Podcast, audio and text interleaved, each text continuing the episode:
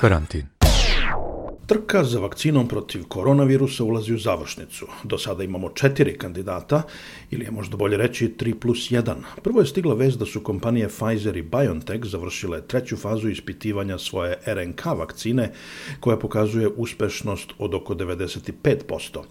Par dana kasnije sličnu vest objavila je i kompanija Moderna sa istim tipom vakcine i procentom uspešnosti, a zatim se oglasio i Oksfordski univerzitet, koji u saradnji sa farmaceutskim gigantom AstraZenecom završio treću fazu testiranja svoje vakcine, koja koristi genetski modifikovani koronavirus da bi izazvala reakciju imunog sistema.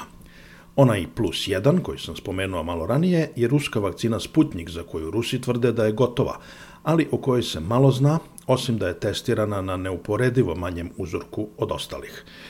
Sada se čekaju regulatorna tela, prvo u Sjedinjenim državama, da daju svoju reč, ali uveliko se očekuje da će vakcinisanje zdravstvenih radnika i najugroženijih grupa u Sjedinjenim državama i Evropskoj uniji, odnosno Velikoj Britaniji, a možda i drugde, početi već za par nedelja. Šta do sada znamo o ovim vakcinama i da li je ovo početak kraja pandemije? Ja sam Aleksandar Kocić.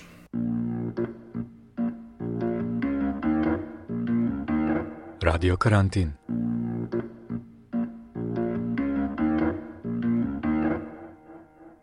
Dušan Bogunović je profesor na katedri za imunologiju, pedijatriju i mikrobiologiju Medicinskog fakulteta Icahn Mount Sinai u Njorku.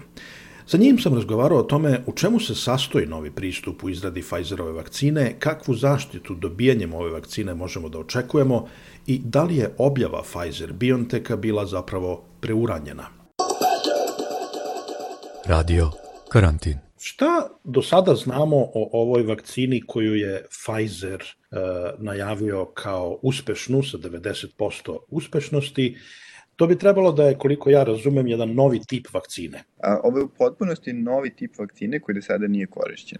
Mi pravimo vakcine kao čovečanstvo više od 100 godina, Um, I kako su vakcine nastale je da i veliki broj vakcina i dalje funkcioniše, jeste da se ili ta bakterija ili virus, što je slučaj u ovom trenutku, a, oslabi i onda on kao takav se ubrizga u telo u celosti i onda mi razvijemo imuni odgovor na njega. I to je a, način na koji se najveći broj vakcina pravi. Ova vakcina a, je u potpunosti drugačija zato što a, ona prvi put koristi RNK kao bazu a, da se proizvedu proteini koji, a, od kojih se sam taj virusa sastoji. Šta to znači? to znači da postoje svaki živi organizam a, ima svoje nukleinske kiseline od kojih se sastoji. A, ako je u pitanju DNK, onda nastane RNK, posle RNK nastane protein. I protein je ono što mi vidimo, što mi najviše jesmo, jel da? Um, I vakcina uh, koje su se do sada pravile, a, ili su u potpunosti ta bakterija, taj virus, kao što sam rekao, te najstarije vakcine, ili su a, na bazi a, a, DNK ili već proizvedenog proteina. A, nijedna vakcina do sada nije bila na ovoj srednjoj fazi, nazovite, koja je RNK. Iz toga je to a, apsolutno novi model a, vakcine koji do sada nije bio u upotrebi. Čuli smo da je ova vakcina 90% e, uspešno. Šta to konkretno znači? To znači da ako imate 100 ljudi u jednoj grupi koji dobije tu vakcinu i drugih 100 ljudi koji ne dobije tu vakcinu nego pojede šećernu pilulu, odnosno ubrizga im da nazovimo to šećernom pilulom, a, da a, 90 ljudi iz grupe koje je primilo vakcinu, ako bude izloženo virusu, se neće razboleti to to znači. I ja mislim da je to možda najbolje da, da se uporedi sa vakcinama koje mi već koristimo, sa vakcinama koje mi već dobijamo. Tako da ako imate MMR vakcinu, to je vakcina protiv malih boginje, zaošaka i, i rubele. A, a, to su tri različita a, virusa koja, a, protiv kojih mi razvijamo imunni sistem u okviru te jedne vakcine. I protiv malih boginja je tu 93% je, je efektivna ta vakcina. Protiv zaušaka je ona 78%, a protiv rubela je 97%. Tako da je tačno to negde u tom domenu što može da se očekuje od vakcine. Drugim rečima, teško može da bude mnogo bolja. Ali da bismo postigli uh, onaj krajnji cilj, a to je da eliminišemo ovu epidemiju ili da je svedamo na jedan zanemarljiv nivo, da li je onda ovo uh, više nego dovoljan procenat? Jeste više nego dovoljan s podrazumevanjem uh, da, da veliki, odnosno najveći broj ljudi dobije tu tu vakcinu. Ova vakcina je testirana na, u, trećoj fazi testiranja, mislim da je učestvovalo nešto preko 43.000 ljudi u da. šest zemalja uključujući da. Sjedinjene države. Mislim da su birane zemlje u kojima je epidemija trenutno najjača. Tako je. Ali bih vas zamolio da mi kažete kako se inače ovakvi, ovakvi testovi rade, jer vi ne možete, neetički je da nekoga svesno uh, izložite virusu, da ga svesno zarazite. Tako je, oni se upravo rade ovako kako su urađeni sada, to je u kontekstu epidemije kada ne postoji način da mi sad nekoga ubrizgamo virusom, da vidimo da li će da radi ili neće da radi, ali to stvarno etički ovaj, nije, nije u redu. I u Americi to ne može da se radi, a recimo sa vakcinom gripa, u Velikoj Britaniji jeste dozvoljeno da se radi ti human challenge, tako se zovu ti stadije, te studije, gde se ubrizga virus a, a, gripa, um, jer se misli da najveći broj ljudi, ako su pristojnog zdravlja, neće i zaista umreti od, od gripa. Ali virusi koje ne poznajemo dobro, ovaj, tipa SARS-CoV-2, koji izaziva bolest COVID-19, o čemu mi pričamo danas, ovaj, to, to nigde nije odobreno i ja ne vidim da da će biti odobreno i mislim meni nije etički u redu. I u kojoj, u kojoj meri onda tu bitan faktor uh, prevencije? Ljudi, uh, svi, svi mi dobijamo savete da treba da se uh, čuvamo, da treba da se pridržavamo mera, da se ne bismo zarazili. I šta se onda dešava ako se ljudi koji učestvuju u testiranju isto tako strogo pridržavaju mera pa se ne zaraze i onda -hmm. mi dobijamo sliku da je vakcina možda mnogo uspešnija nego što zapravo jeste. Da, da, razumem to pitanje i to je dobro pitanje i to je, ima pitanje više nivoa. A dokle god postoji kontrolna grupa, o, onda neće biti slučaj da vakcina izgleda da je bolja nego što jeste, a, zato što a, mi onda mu poredimo sa kontrolnoj grupi. Drugim rečima, ako je kontrolna grupa 50.000 ljudi i 50.000 ljudi primilo vakcinu, druga šećernu pilulu. Na osnovu broja inficirani u toj koji je primilo šećernu pilulu se sve statistike rade. Tako da tih problema nema. Problem kod studija tog tipa jeste da u zavisnosti koliki broj ljudi se baš čuva i bit će inficiran, mora da se rade užasno velike studije, veliki broj ljudi da bi mogli da dođemo do neke statističke mere koje ima smisla. E sada, ono što uh, dosta studija trenutno radi, to su sve druge vakcine o kojima ćemo pričati za mm -hmm. par mhm. minuta, uh, koje su u razvoju, jeste da uh, najbolje ili najefikasnije studije su one koje, uh, gde se vakcina daje onima koji su dosta rizični da budu inficirani. Drugim rečima, ako je neko jedan u porodici inficiran, dosta su velike šanse da će drugi u porodici da se inficiraju. Mm -hmm, e tad, ako se u, u, uradi studija u kojoj se uključuju u studiju te porodice, jednako ko, kojima će da se da vakcina, odnosno šećerna pilula, onda se mnogo brže stiže do, do statistike sa manjim brojem ljudi. I samo da pojasnimo, ova druga grupa, kontrolna grupa, to su ljudi koji su dobili placebo. Tako je. E, to je znači isto neka, e, oni su, nešto im je ubrizgano, ali nije, e, nije da, vakcina. Da.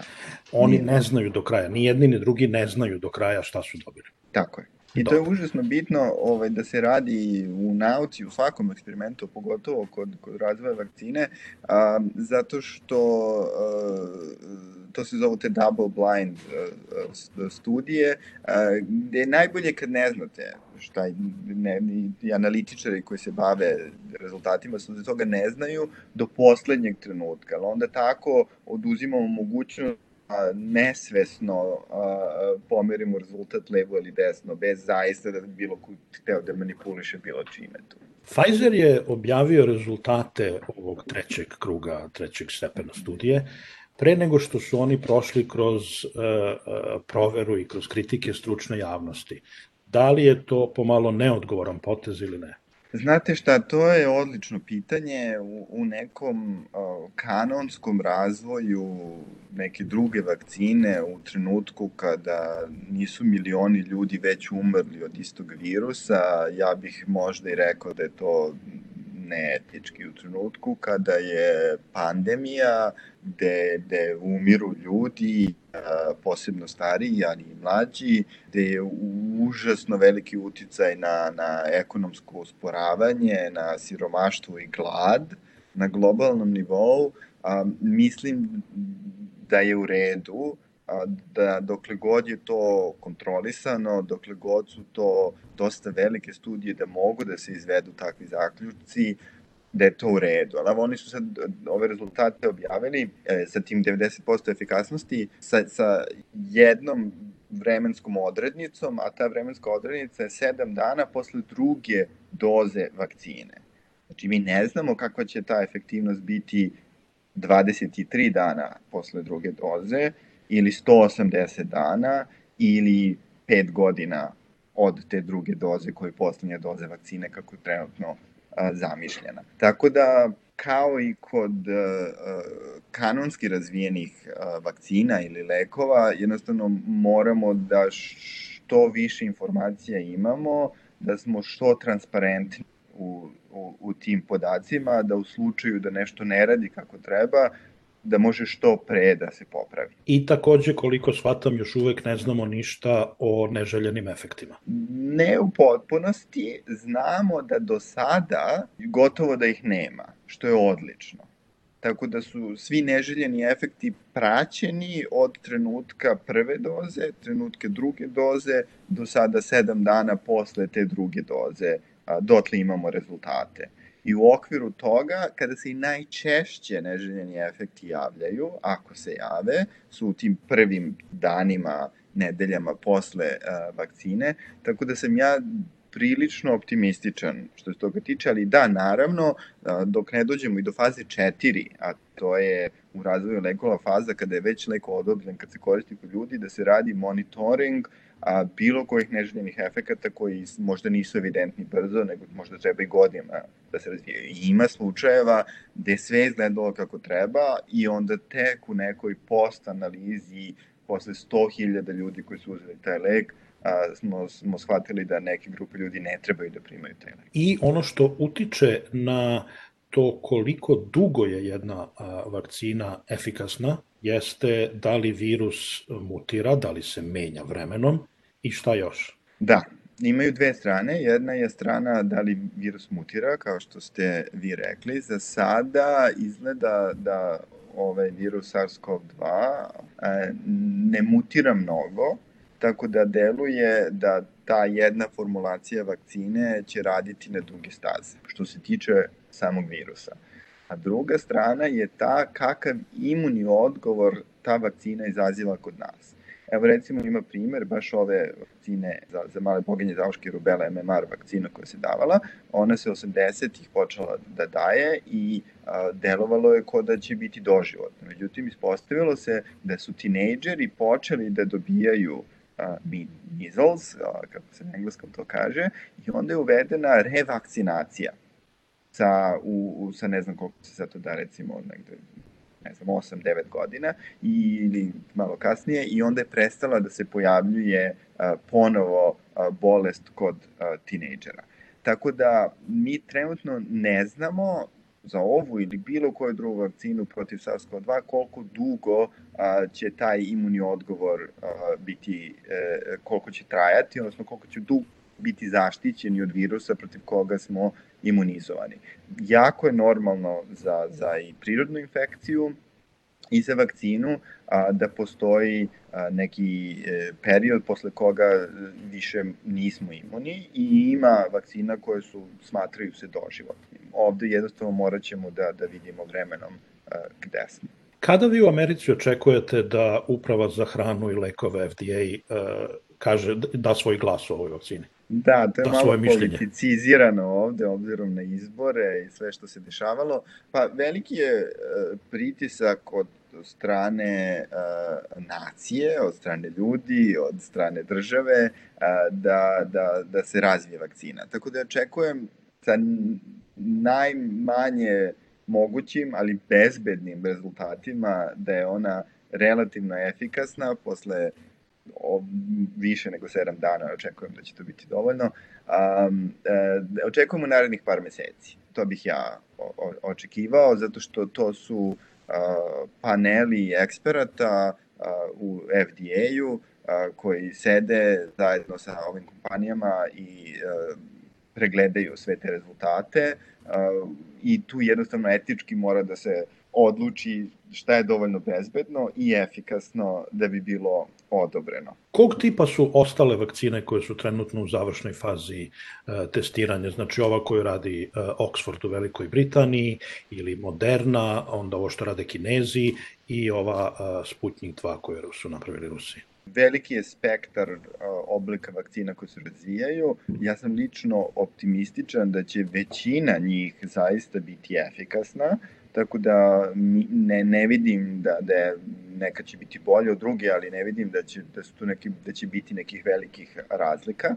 A, postoje svi tipovi vakcina koji su mogući da se naprave, a to je a, da mislim da u Kini neka od kompanija razvija vakcinu gde se proizvodi virus koji se onda ublaži, odnosno ubije i onda se on kao takav ubrizgava. To je taj stari tip vakcine koji prvi put kad smo skapirali da je moguće da se vrši imunizacija. Onda postoji drugi tip vakcine, a to je da se određeni drugi virusni vektor nosi deo uh, SARS-CoV-2 dva virusa i taj vektor je adenovirusna vakcina um, i ona se koristi, ja mislim da je to uh, vakcina koju uh, GSK GlaxoSmithKline. a, sa Oxfordom razvije tu vakcinu, onda postoji te subunit vakcine, kako se zovu, a to je da se a, samo proizvede protein, jedan od proteina, protiv koga je bitno boriti se imunim sistemom, a, i onda se on ubrizga i te vakcine se proizvode, onda a, postoje i same DNK vakcine, i RNK vakcina o kojoj smo upravo pričali, koja je ova a, sa Pfizerom. Da li je za mene kao krajnje korisnika e, bitno koju ću vakcinu da dobijem, odnosno koju vakcinu je moja država uspela da nabavi u većim količinama? Neće biti iste. Ja očekujem, ova, ova vakcina ne del, mislim, delo je kao izmislio vakcinu, da je to, i to jeste velika stvar i to je teško napraviti, ali sama tehnologija pravljenja svega toga, mi to radimo već decenijama Tako da ono što sad poznajemo o ovom virusu, ja ne očekujem da bilo koje od ovih tipova vakcina koje se razvijaju, da će biti loše. E sada, one neće biti u potpunosti jednake. Tako da za tog korisnika u slučaju da može da bira, a, što ne znam da li će biti slučaj svuda ili bilo gde, nek se posavetuje sa lekarom, da vidi šta lekar a, misli o, o, o svemu tome. Ja bih, a, nema, nema drugog izbora, nego a, verovao regulatornom telu države u kojoj živim, a, da su nabavili najbolju moguću vakcinu koju mogu u tom trenutku. Jer naravno tu imamo i, i političku i ekonomsku dimenziju celog problema. Uh, vi kažete ja mogu da se posavetujem lekarom, možda ako u mojoj, ako u mojoj zemlji postoji uopšte izbor, ali sigurno će biti zemalja u kojima ne postoji mogućnost izbora jer pojedine zemlje neće moći sebi da priušte, ne znam, ovu vakcinu ili onu vakcinu. Hteo sam još da vas pitam u vezi sa, ovim, uh, sa ovom Pfizerovom vakcinom koja zahteva jako skupu i komplikovanu tehnologiju skladištenja. Kako ćemo taj problem logistički da rešimo? Da, to jeste i najveći problem ako se ja pitam sa Pfizerovom vakcinom, ali ona kao takva deluje da radi i deluje da radi više nego dovoljno dobro, ali je ovaj problem infrastrukture. Um, za slušaoce najveći broj vakcina koje mi trenutno koristimo ili su stabilne na sobnoj temperaturi ili su stabilne u frižiderima od, na plus 4. Sad, na, na plus 4 stepena, znači to je isti frižider koji imate kod kuće. I ta infrastruktura, ne svuda u svetu, ali u velikom delu sveta postoji. Znači svaki dom zdravlja ima frižider, svaka kuća ima frižider. Tako da sam transport te vakcine nužno nije problematičan, ali mi tako i određenu hranu, mleko, jogurte sprovodimo po državama.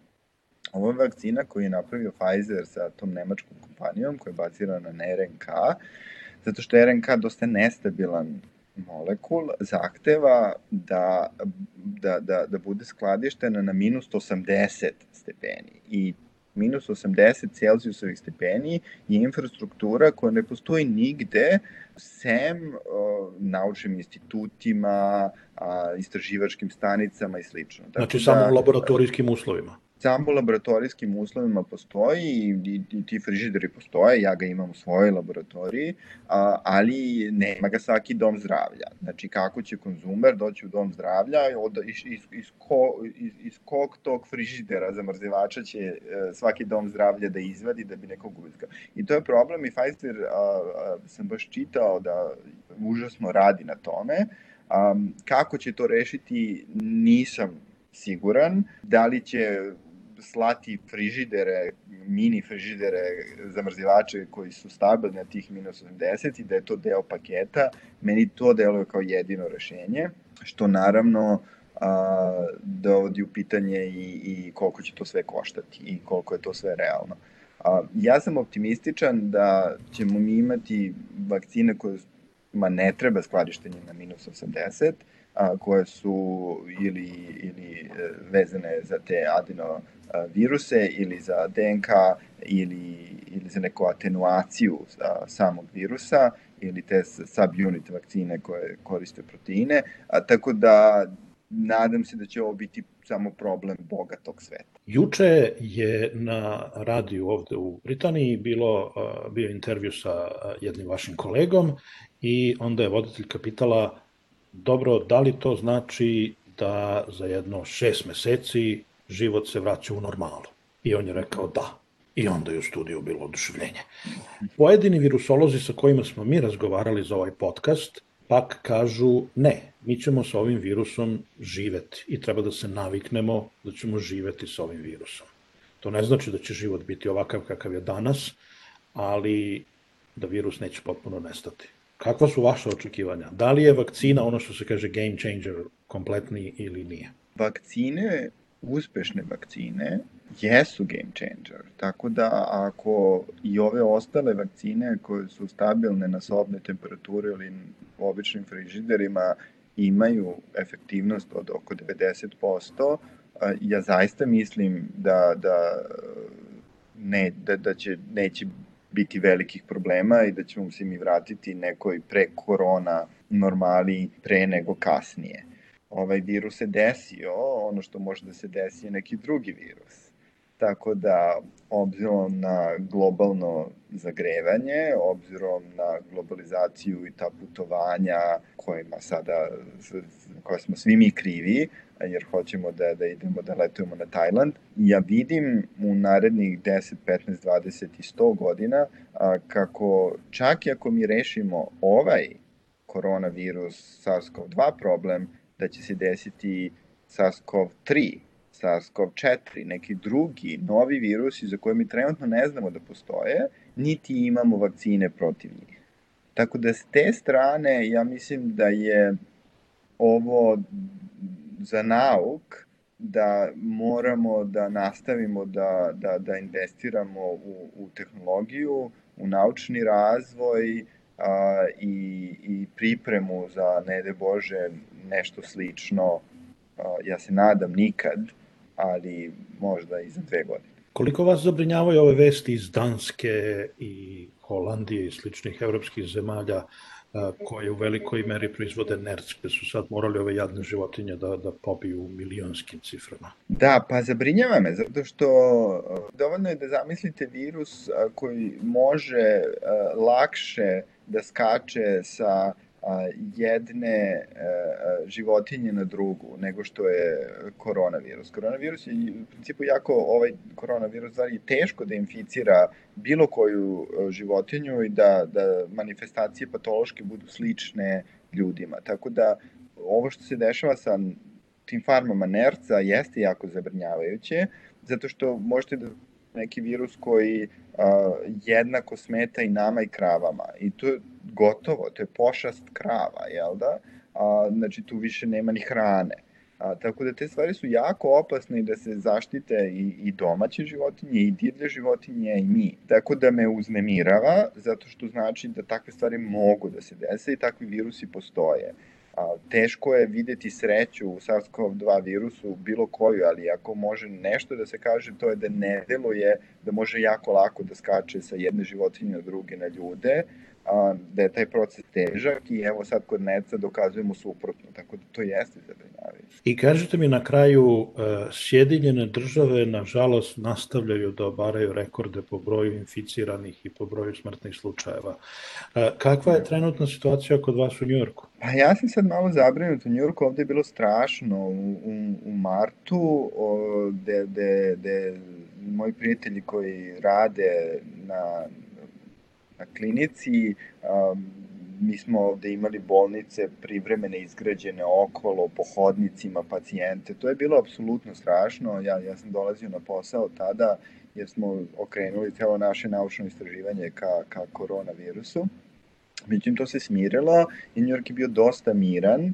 A, I evo, u poslednjih par nedelja vidimo da počinje da i u Njujorku ponovo skače broj a, obolalih i to, to me uznemirava a, zato što se to evidentno dešava i u Francuskoj i u Nemačkoj i, i u Italiji a, i nekako ne vidim da iko može da bude otporan na to um, i jednostavno moramo da, da se više pazimo, da nosimo maske, uh, da smanjimo kretanje, koliko god to možemo. Nadam se najboljem, ali, ali jesam zabrenut da, da Kako će su... se rasplamsati i u Njujorku, pošto tamo u sredini Amerike ovaj, je, je dosta strašno trenutno.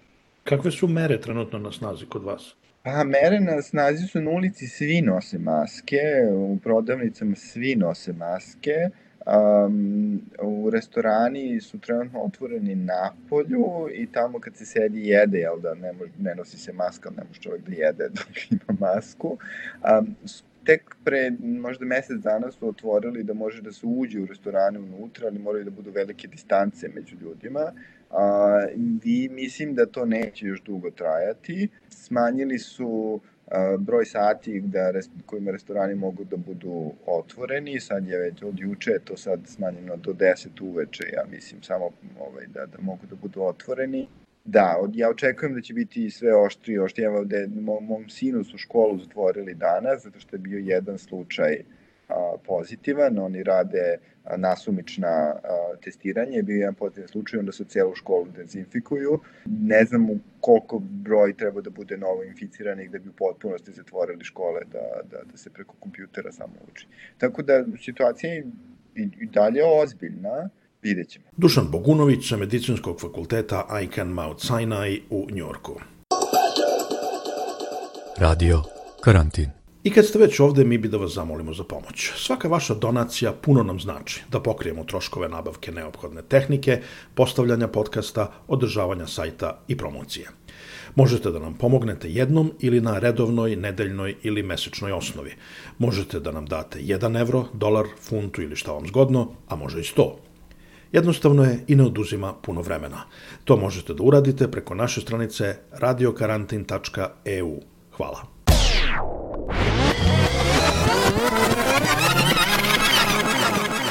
Radio Karantin